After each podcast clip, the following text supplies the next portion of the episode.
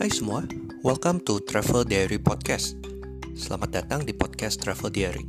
Seperti pada dasarnya sebuah diary, podcast ini akan berisikan cerita pengalaman travel atau jalan-jalan, bukan hanya tentang tempat tujuan atau makanan enak, tapi lebih kepada pengalaman unik, lucu, seru, atau maupun yang menyeramkan ketika travel.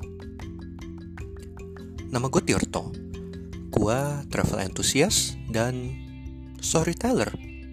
Gue punya impian 30 under 30, cuma bukan masuk Forbes, tapi travel ke 30 negara sebelum gue umur 30. Tapi sayangnya kayaknya agak sulit ya, soalnya gue udah hampir 30. Selain itu, gue juga penggemar cerita travel. Dari sana, gue belajar banyak banget tentang dunia, tentang bumi, dan juga tentang people atau tentang orang. Semoga dengan podcast ini, gue dan narasumber lainnya bisa membagi pengalaman kita – dan ada poin-poin yang dapat bermanfaat untuk kalian.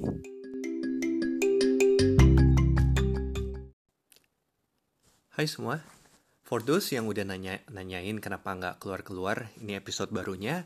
Don't worry, gue masih di sini, gue masih excited untuk ngerjain project podcast ini. Sorry banget beberapa hari belakangan ini gue agak preoccupied karena udah mulai kerja nih soalnya. Sebenarnya recording buat episode ini udah dua minggu yang lalu, tapi ya belum sempet edit aja sih.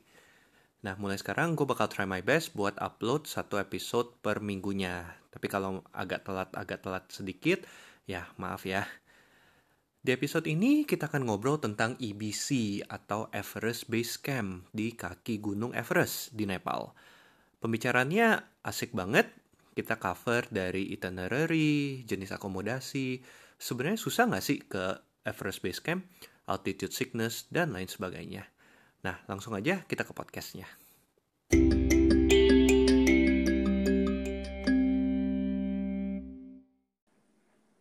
Hai semua, welcome ke podcast nomor 8 dari Travel Diary Podcast. Hari ini gue ada kedatangan narasumber yang gue kenal udah lebih dari 10 tahun yang lalu. Kita satu sekolah bareng, uh, lebih tepatnya dia junior gue ketika dulu sekolah. Nah, dia itu orangnya sangat kind and humble, sangat-sangat adventurous. Kita langsung aja, kita langsung sapa narasumbernya. Ada Clarissa di sini, Ica. Halo, Ter. Halo, Ica. Apa kabar nih? Baik, baik. Akhirnya ya kesampaian kita recording ini. Iya, akhirnya. Ya, before we start, mungkin bisa introduce yourself dulu buat yang lagi dengerin. Hai, nama gue Clarissa, biasa dipanggil Ica. Gue kenal Tirto, as he mentioned, he was my senior. Tapi kita sebenarnya kenalnya dari cheerleading bareng. Um, yep. Sama seperti Tirto, gue juga seorang travel enthusiast. I love diving, hiking, taking long road trips, and of course photos along the way. Nah, seperti yang tadi Ica udah mention ya gitu, dia suka uh, road trip dan dia suka hiking, diving gitu dan most of her trips kebanyakan pergi sendiri ya, maksudnya uh, organize sendiri begitu. Mm, yep. Nah dan um, recently di beberapa tahun terakhir ini kita sering ngobrol terutama untuk diving dan untuk hiking, untuk trekking. My first question ya Cak ya, mm -mm. lebih suka gunung atau laut? This is a hard one. Tapi if I had to choose, gue pilih laut sih. Ya, yeah, dari dulu gue, I always dream about being a marine biologist. So I have to choose the ocean. Correct me if I'm wrong, lu divingnya juga udah certified? Yes, yes. Udah ke mana aja nih? Belum banyak sih, Tir. I I started diving when I was 16, tapi karena I actually had a sinus surgery before dan hmm? Hampir setiap kali gue mau diving trip tuh sinus gue selalu kambuh. Jadi gue gak ngerti sih itu kayak what's wrong there. Tapi so many trips got cancelled and I haven't been to a lot of places. Akhir-akhir ini setelah surgery sinusnya are things getting better? Yeah things are gradually getting better. Untuk hmm. diving sih gue paling sering di Bali and Manado. Hmm Nah, buat teman-teman yang lagi dengerin, karena uh, actually gue punya beberapa teman yang mereka itu dulunya divers, dan karena sinus mereka jadi udah stop diving gitu. Atau ada orang-orang juga yang nggak mau coba diving karena mereka punya sinus gitu. Maksudnya um, Ica mungkin it's one of the real life story ya gitu ya bahwa itu bisa disembuhkan gitu. Bisa bisa Oke, okay. nah tapi hari ini kita nggak akan discuss tentang diving, kita bakal discuss tentang hiking atau trekking ya. Mm -mm. Uh, Everest Base Camp. Wow, bisa diceritain nggak itu? Misalnya background story-nya, itu kapan, berapa orang, itinerary-nya, atau gimana? Ya, jadi alasan pertama gue mau ke EBC sih awalnya pas umur 15, gue ketemu uh, young millionaire from Singapore. Dan dia sekilas hmm. cerita, dia pernah ke Everest. So ever since then, I've always told myself I was gonna hack Everest, but I never actually really thought about doing it.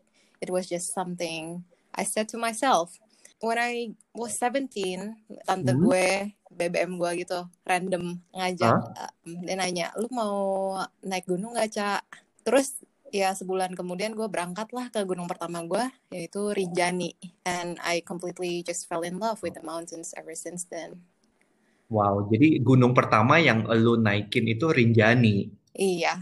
Mungkin bagi yang belum tahu Rinjani itu kalau kategorinya di Indonesia itu udah termasuk yang hardcore sih sebenarnya. Gitu ya gue nggak tahu sih tir soalnya. Jadi kayak oh iya oke oke aja gitu. Dan mungkin juga pas waktu itu uh, masih lebih young and energetic ya. Yes yes Oke, okay. nah mungkin bagi yang nggak tahu juga ya, Everest Base Camp itu beda dengan Everest Summit atau puncaknya Everest. Mm -mm. Mungkin Cak bisa di-share bedanya apa?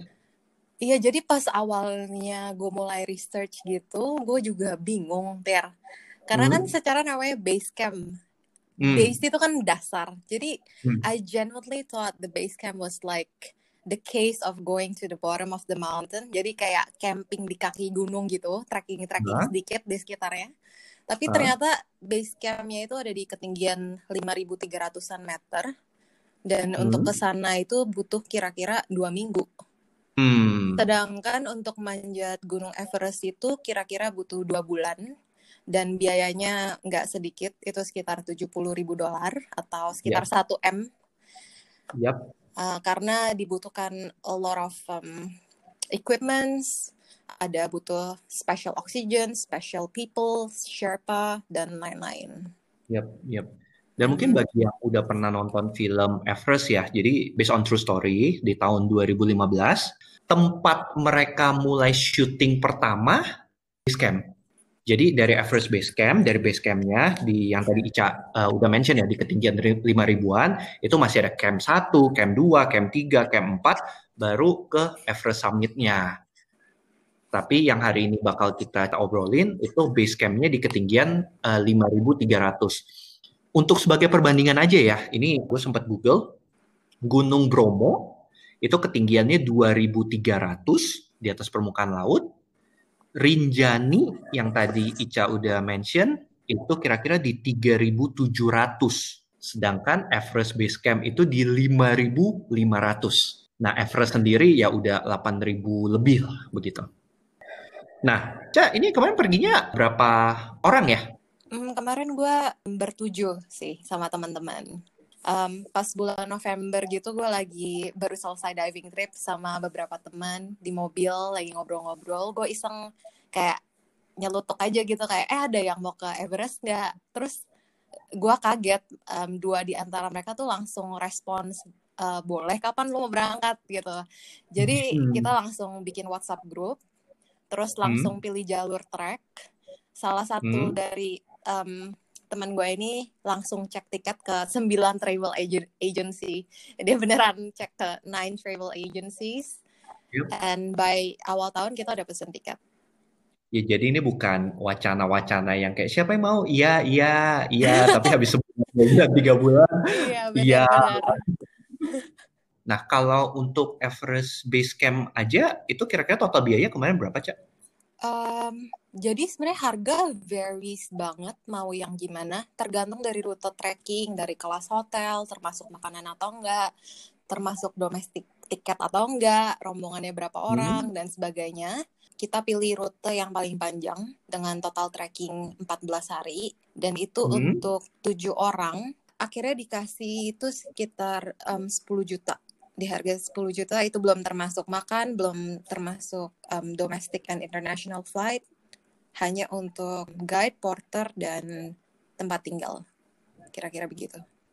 Sebenarnya kalau dibandingkan dengan harga di Indonesia, terakhir gue ke Rinjani itu sekitar empat hari dan habis sekitar sekitar 2 juta ya. Yes. Jadi ya, ya tapi ini average base camp lah maksudnya ini mungkin tracknya jauh lebih susah juga mungkin ya banding Rinjani. Um, dibilang kalau di compare ke Rinjani sebenarnya bisa dibilang jauh lebih gampang sih Tir kalau jujur. It's, dibanding Rinjani? Yeah, it's very doable menurut gue. Itu lebih ke mental karena lu selama berhari-hari, lu selama dua minggu. Sedangkan Rinjani kan hmm. lu cuma tiga hari, empat hari lah ya yang berat. Tapi ini selama hmm. dua minggu lu setiap hari jalan di antara 6 sampai 8 jam, kadang lebih. Wow. Ya. Okay, then maybe I'm ready this year. itu kan 14 days trekking kan, 14 hari trekking. Mm. Itu dari mana ke mana, terus ada spot-spot apa aja gitu, in general aja. Jadi untuk PP ke EBC trek itu minimal 12 hari karena perlu dua hari untuk acclimatization. Um, hmm. Kalau nggak agak riski. Kita terbangnya dari Jakarta akan sampai ke Kathmandu ya, eh, ibu kotanya Nepal. Mm -mm. Betul. Nah, terus dari sana gimana untuk nyampe ke IBC-nya? Jadi dari Kathmandu, lu mesti terbang domestik ke Lukla, yaitu the gateway of Everest. And hmm. it's apparently airport paling ekstrim di dunia karena ngelewatin lembah-lembah, landasan pacunya pendek dan sempit, lebarnya cuma 20 meter dan miring juga. Jadi pesawat yang ke sana yang bisa terbang ke sana itu cuma pesawat-pesawat kecil, biasanya berpenumpang antara 10 sampai 12 orang. Hmm. Dan penerbangannya juga sering banget di cancel, tergantung dengan cuaca. Kalau misalnya ada angin kencang atau lagi berawan, uh, bad visibility itu. Kali lu udah nyampe ke Luka, itu semuanya basically semua turis yang di, di sana itu semuanya mau ke Everest atau ke Everest Base Camp. Betul betul, pasti Nah, terus tadi lu kan cerita uh, udah nyampe Lukla, uh, terus dari Lukla ke nyampe ke uh, Everest Base Camp, itu harus jalan ya. Mm-hmm. Jadi setiap nah. hari itu jalan. Uh, untuk hmm. hari pertama itu kita jalan um, ringan, cuma tiga jam aja ke village pertama. Kemudian hari berikutnya itu baru kita ke pusat pusat the big central village in the Himalayas yaitu central hubnya Namche Bazar. Hmm. Di sana tuh nggak kayak nggak kayak nggak seperti yang gue bayangin sih Tir. Jadi di sana hmm? itu penuh dengan kafe-kafe, dengan bars, restaurants, ada museumnya, ada pubs with billiard table, terus ada wifi all over the place, oh. ATM, banks dan sebagainya. Lo bisa beli barang-barang untuk keperluan mendadak di sana. Jadi biasa oh. karena ini udah di atas ketinggian 3000 meter, biasanya orang tinggal di Namche untuk dua malam. Oke, untuk yang namanya uh, acclimatization. Iya, betul. Kalau bahasa Indonesia-nya aklimatisasi itu adalah uh, proses di mana tubuh kita menyesuaikan dengan ketinggian. Mm -hmm. Dengan altitude karena kalau di ketinggian uh, naiknya seberapa seberapa memang kadar oksigennya itu kan berkurang gitu. Jadi tubuh kita harus terbiasa dulu sebelum kita bisa lanjut lagi lah kalau enggak itu tidak bagus untuk jantung dan untuk tubuh kita gitu. Betul banget. Setelah yang tadi udah uh, ngebiasain badan, habis itu itu langsung jalan terus ke Everest Base Camp gitu? Uh, iya, jadi gradually itu lu masih membutuhkan sekitar empat hari, hmm. lima empat lima hari untuk nyampe ke Everest Base Camp dari Namche Bazaar. Oke, jadi itu stop-stop di kampung gitu ya, stop-stop di kota gitu? Iya, setiap jadi sepanjang jalur EBC itu banyak banget kampung-kampung, banyak banget uh -huh. tea house dan lodges, tempat untuk penginapan uh -huh. semua orang yang ingin pergi dan pulang dari EBC. Oke, okay. um, ya mungkin uh, gue jump into another question dulu. -huh. Ini lu actually tinggalnya di hostel di kayak rumah gitu. Betul banget ya. Iya. Jadi menariknya oh. itu there's actually no camping in EBC. Ya, sepanjang jalur banyak yang seperti yang gue bilang tadi ada banyak tea house dan lodges yang cukup memadai. It's basic tapi lumayan memadai dan makin ke atas uh. makin terbatas tapi mm-hmm. banyak hmm. banget pilihannya tergantung kebutuhan dan budget masing-masing jadi tipe trackingnya itu bukan kayak Rinjani ya. Kalau Rinjani kan oke okay, kita mulai gitu ya dari bawah gitu ya. Hmm. terus kan kita harus sampai ke satu titik kita set up tenda gitu tidur di dalam tenda. Terus berikutnya tenda lagi baru tenda gitu. Kalau yang ini ini berarti jalan sampai di satu kota atau kampung terus nginep di sana dulu, terus besoknya kalau udah siap baru jalan lagi, baru jalan lagi gitu ya. Betul banget. Jadi there's no designated camping spots di sana. Jadi kalau misalnya oh. lu mau oh. camping pun itu pasti lu melakukannya di di area lodge dan tea house itu yang dikontrol oleh hmm. tea house dan lodge itu. Jadi lu akan bayar sama untuk mendapatkan kamar dan untuk camp out di sana dan juga dengan oh. lu membawa camping gears itu akan lu membutuhkan additional porter. Lah, berarti kalau misalnya dia ada kota sama kampung, makannya itu udah di kotanya. Iya, bener banget. bener banget. Oh. Uh. Oke, okay. contoh misalnya kita compare ke Rinjani lagi ya. Kalau di Rinjani itu kan kayak si porternya yang akan mereka akan bawa kompor, bawa gas, dan mereka akan masakin di tengah-tengah hutan lah, istilahnya begitu kan. Mm-mm. Kalau yang ini berarti ada shelter dong. Iya. Untuk teman-temannya. Ada shelter, menunya ekstensif. Lu mau makan pizza, lu mau makan spaghetti. Jadi beberapa tahun yang lalu, gue nggak tahu pastinya, tapi the government of Nepal bilang huh? uh, mereka train semua orang di sana biar lebih huh? accommodating gitu untuk bule mungkin. Mereka semua diajarin hmm. untuk masak western food Wow, jadi kalau pagi-pagi gitu bangun ada opsi kayak continental breakfast gitu. Iya, yeah, ada bakery, you can have um, carrot cakes in certain places. Another question yang masih berhubungan, kalau biasa kita trekking di Indonesia, di gunung-gunung di Indonesia, itu kan kita selalu worried about uh, air ya, mm -mm. Uh, air minum. Mm -hmm. Karena ya kita harus bawa, kita harus gotong sendiri atau kita harus ke sumber mata air tuh actually ngambil air buat minum gitu. Nah, kalau dia ada kota-kota berarti mereka ada minuman gitu, ada jual air? Mereka ada jual bottled water. Mereka huh? juga ada ambil dari stream. Jadi itu mereka biasa charge-nya beda. Hmm, sepanjang trekking kalian apa gitu? Jadi kalian ngambil dari stream atau kalian selalu ngambil di kota aja gitu? Jadi kalau kemarin sih kita sempat bawa water purification tablets sama ah. juga ada kayak alat kecil gitu di mana lu masukin ke dalam airnya dan itu ada UV-nya untuk membunuh semua bakteri di air.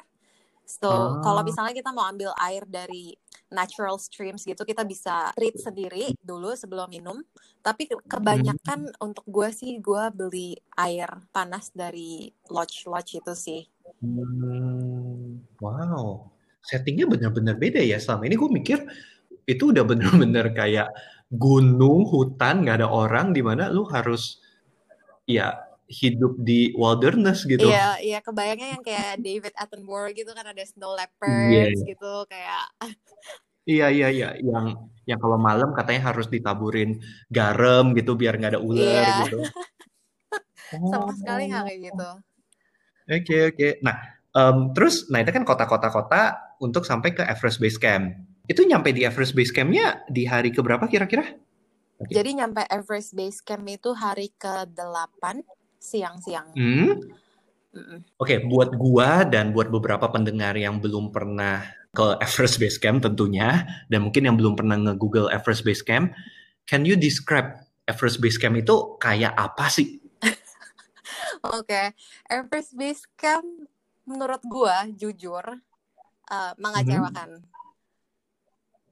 Hmm? Jadi the physical base camp itu nggak lebih cantik dari apa yang gue lihat selama beberapa hari belum sebelumnya. Dan yang paling ironis juga, lu bahkan nggak bisa lihat Everest dari base campnya. Jadi oh. completely not what I pictured. Di sana ada batu gitu, tir. Batunya tuh dicat uh -huh. gitu pakai pilox. Terus ada tulisannya uh -huh. kayak EBC, terus sama tahunnya gitu di bawahnya. Jadi setiap Dan... tahun itu batu itu katanya diganti sama biar untuk turis-turis foto gitu. Oh, masuk akal, masuk akal. iya. Dan lu ada foto ketika lu pergi di tahun berapa 2015 itu? 2016 ya. Oh, 2016. Mm. Oh, jadi ada EDC 2016 yeah. gitu. Terus di base camp ya tentu banyak banget tenda-tenda um, mereka orang-orang yang akan naik ke Everest during that season.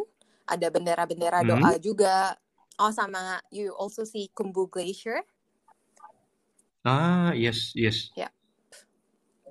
Oke, jadi kalian di Everest Base Camp-nya sempat nginep atau cuma nyampe sana dan udah uh, head back Enggak, turun kita lagi? Kita di sana cuma spend maybe an hour dan kita langsung balik lagi ke village yang di mana kita nginep. Di ketinggian 5000 lebih gitu ya di Everest Base Camp ya. Itu was it was it snowing gitu? It was. Kayak... Funnily enough, the day that we went to Everest Base Camp, it was snowing. Jadi hari itu mulai turun salju dan cukup licin, uh. tapi it was nice. Padahal lu perginya musimnya mestinya bukan winter kan, lagi Iya, spring. lagi spring. Tapi tetap turun salju di sana. Oh, oh ya mungkin ya, mungkin di, udah di ketinggian lima ribuan kayak gitu, itu tinggi banget sih. Hmm, ya. Terus dari Everest Base Camp, Kalian turunnya di track yang sama atau ada track lain untuk turunnya? Jadi ada dua option, yaitu kembali hmm. melewati rute yang lu lewatin pas lu naik, atau lu bisa bikin putaran lagi ke satu danau namanya Gokyo dan itu yang kita ambil yaitu rute yang paling panjang kita ke danau yang langsung dari Everest Base Camp. Dan ada particular reason alasan kenapa kalian ke Gokyo? Gokyo is the highest natural lake in the world. It's uh, mm-hmm. religious, it's holy. Uh, nggak uh, ada yang tahu itu danaunya itu seberapa dalam dan mereka mm. bilang ada ya hal-hal mistis lah yang tentang danau itu. And it's so mm. beautiful. Jadi kita ya akhirnya decide to go there. Dan tapi lu nggak berenang kan di sana kan? Enggak, enggak, nggak bisa. Oh, dan emang nggak boleh? Nggak boleh, nggak boleh. Kalau bisa Enggak, soalnya kalau enggak sih, Tir. Itu kayak bisa mati, menggigil gua. Oke, ini kan trekkingnya berbelas-belas hari ya? Iya. Oh, kalau mandi berarti mandinya di hotel, di penginapan gitu ya?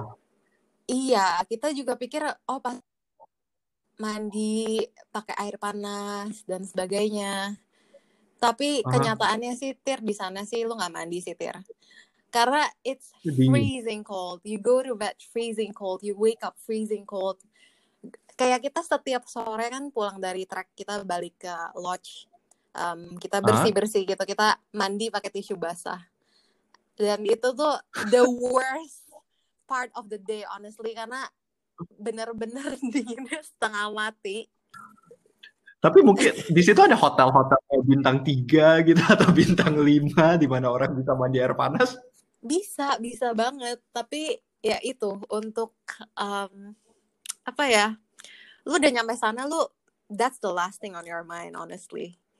Gua nggak tahu yeah. but that's just how it is.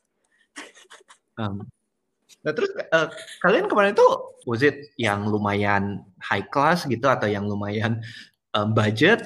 Jadi itu as I mentioned, makin ke atas itu hmm. makin sedikit dan makin jelek. Hmm. Untuk dindingnya um, juga makin atas makin tipis. Gue nggak tahu bahannya itu apa, mungkin kayak partisi doang gitu, kayak gypsum board. Tapi hampir setiap huh? hari lu bisa dengar orang ngorok. Jadi sebisa mungkin lu tidur sepagi mungkin kayak you don't have to listen to all of that. Um, hmm. Kalau untuk lodgesnya, some of them were actually really nice, but yeah, some of them are just basic.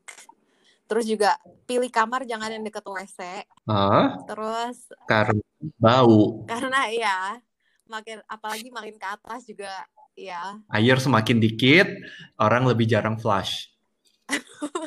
Bener banget dan berisik kan tiap malam kayak orang keluar masuk toilet gitu nah, ganggu banget ya, sih nah kalau in general itu yang tadi the trip lah the trekking gitu ya Do you think it's hard?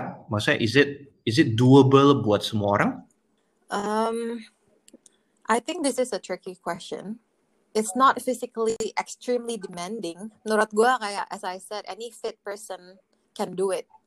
Tapi the most difficult part hmm. about tracking EBC is the possibility of getting AMS.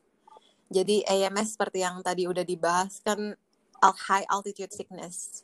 Dan kalau misalnya oksigen di tubuh kurang, jadi nggak bisa berfungsi dengan normal. Jadi seberapa fit lu kalau misalnya lu udah kena AMS, you cannot do anything about it. AMS itu acute mountain sickness ya, yes. jadi atau altitude sickness. Itu rasanya kayak apa sih? Jadi lu ngerasa pusing-pusing itu biasa tanda paling pertama. Lu mulai pusing-pusing, hmm. lu mual, hmm. terus hmm. muntah-muntah, ada yang pass out, ada yang nggak bisa gerak, ya macam-macam sih, hmm. Tir. Jadi ya. Dan di tim kalian ada yang sempat altitude sickness? I think all of us went through a degree of altitude sickness. Jadi itu setiap degree-nya aja ke masing-masingnya tuh beda-beda. Oh. Gue juga kena, teman gue juga ada yang kena. Um, Dan satu-satunya cara untuk nge-overcome itu ya tadi. Jadi lu harus let your body untuk nge-adapt ya. Iya. Atau sebenarnya ada yang bisa di prepare sih untuk biar nggak EMS ini? Sebenarnya paling penting ya itu sih acclimatization seperti yang lu bilang karena kita kita datang dari sea level. Jadi kalau kita naik ke atas ketinggian di atas 3000 meter di atas permukaan laut, hmm. ya yeah, that's just normal. What you do is um, hmm. what it means to acclimatize itu adalah lu go high and you sleep low. Jadi lu naik ke ketinggian yang tinggi, tapi lu balik lagi dan lu tidur di tempat yang ketinggian yang lebih rendah. Jadi itu akan elevate your red blood cells. No, it's probably same like diving, kayak getting used to the pressure. Yap, itu jadi ada kayak um, service interval ya kalau di diving ya, iya, kita bilangnya. Mm -mm. Nah, ini juga menarik karena mungkin banyak orang yang mikir kalau EBC gitu terus kalian lagi diminta untuk yang tadi namanya uh, acclimatization itu artinya di hari itu kalian bukannya istirahat di kota gitu. Enggak. Itu harus trekking. Iya, betul. Mesti naik. Ya, tetap trekking naik, habis itu istirahat lagi, turun, naik lagi, turun lagi. Ketika udah siap baru naik ke titik lebih tinggi. Iya, betul. Jadi selama berapa tadi 10 sampai 14 hari itu itu nggak ada hari yang nggak trekking gitu. Itu nggak ada hari santai-santai di kota gak gitu ada, kan. Nggak ada. right dari semua um, spot to and from Lukla ya, tempat yang paling bagus menurut lu di mana? Jadi menurut gue yang paling bagus tuh Gokyo, Nangkarchang, hmm. karena pas naik gitu lu bisa lihat Amadablam. Hmm. Dan satu lagi sih sebenarnya Gorakshep, the view of Everest. Tapi waktu itu pas kita ke sana lagi bad weather, very cloudy, akhirnya kita decide hmm. untuk turun Oh, jadi tujuh orang yang berangkat bareng ke IBC, semuanya nyampe nggak ke IBC? Dari semua itu yang nyampe ke IBC enam, dan yang akhirnya selesai sampai akhir ke Gokyo itu empat. Ah, lah, yang satu nggak ke IBC itu kenapa tuh?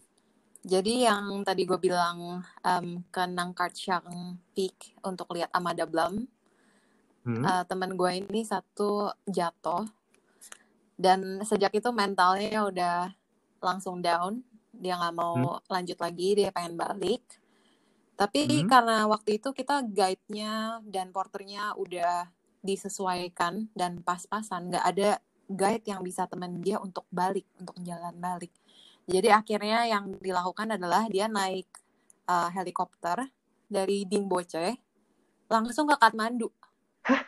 gimana dia charter helikopter Iya, karena nggak ada yang bisa temenin dia untuk turun ke Lukla. Nah, terus yang dua lagi kenapa nggak ke Gokyo? Jadi setelah yang tadi gue cerita, pas kita lagi ke Everest Base Camp-nya kan lagi turun salju, dan itu medannya jadi licin. Hmm. Jadi salah satu di antara mereka um, sempat kepleset dua kali. Udah karena udah jatuh, dia pikir, oh mungkin lebih baik dia naik kuda aja turun ke bawah Jadi dia panggil lah kuda mm. untuk um, turun ke kota ke kampung berikutnya kan. Iya dan horor banget. Ternyata dia kelempar sama si kuda. Ini ini bukan kuda Enggak. liar kan? Ini kuda yang biasa dipakai sama sherpa-sherpa di sana huh? untuk mengangkat penumpang dan barang dan sebagainya. Tapi kemarin ini ceritanya gimana? Dia lagi mau ambil barang gitu di tasnya dan mungkin si kudanya ini kaget. Mungkin dia pikir dia mau dipegang atau diapain. Jadi dia langsung berdiri uh -huh. gitu. Jadi teman gue nih langsung kelempar. Uh -huh.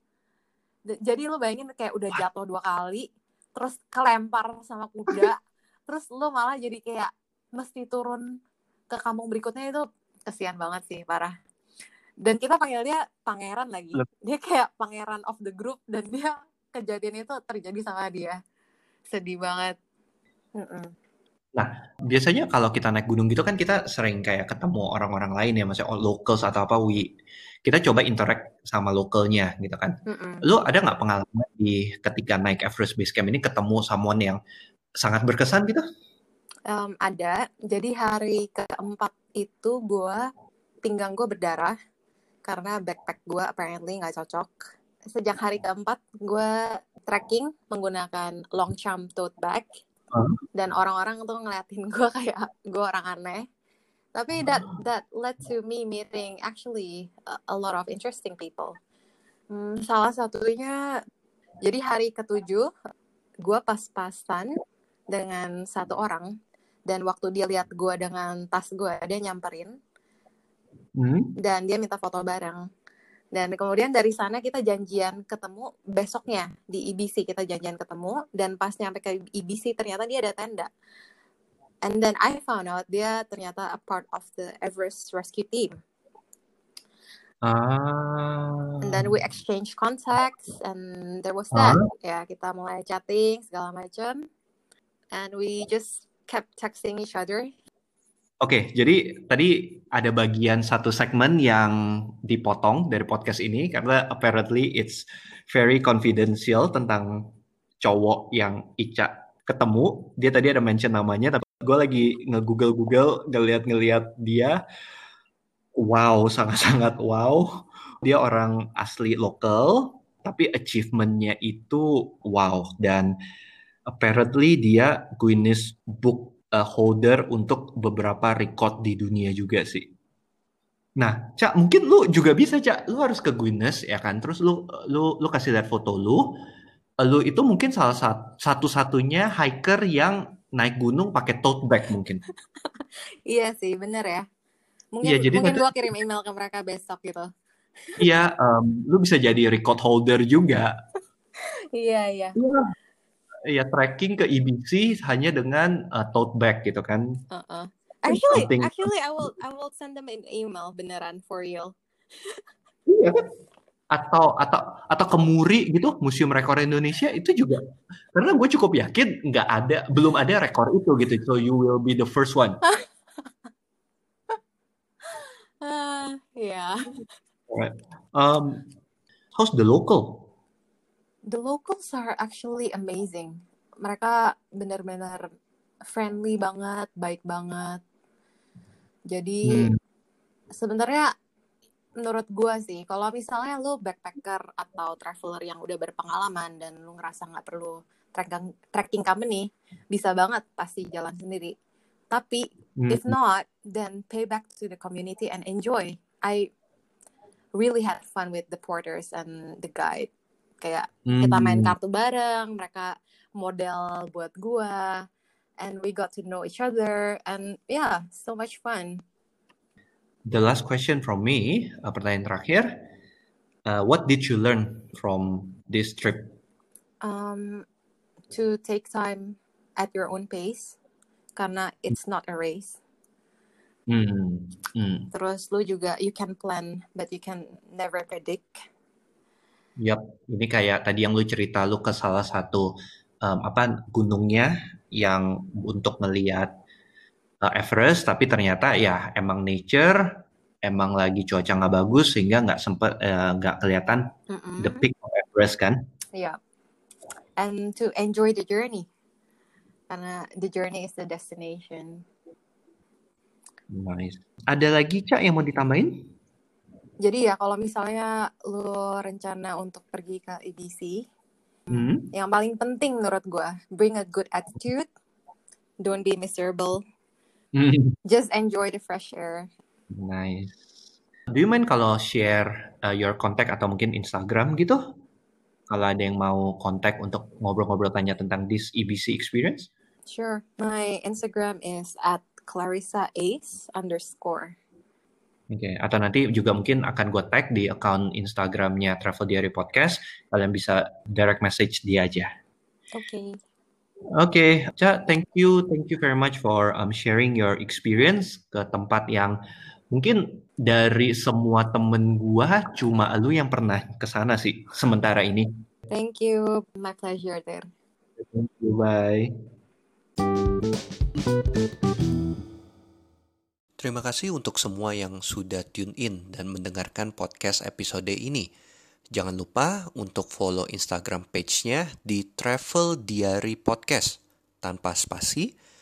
Di Instagram page, gue juga ada post foto-foto yang berkaitan dengan episode ini. Untuk review, komentar, kritik, saran, sangat di welcome. Atau bahkan ada yang mau jadi guest speaker, boleh banget. Kontak gue aja lewat Instagram. See you on next episode.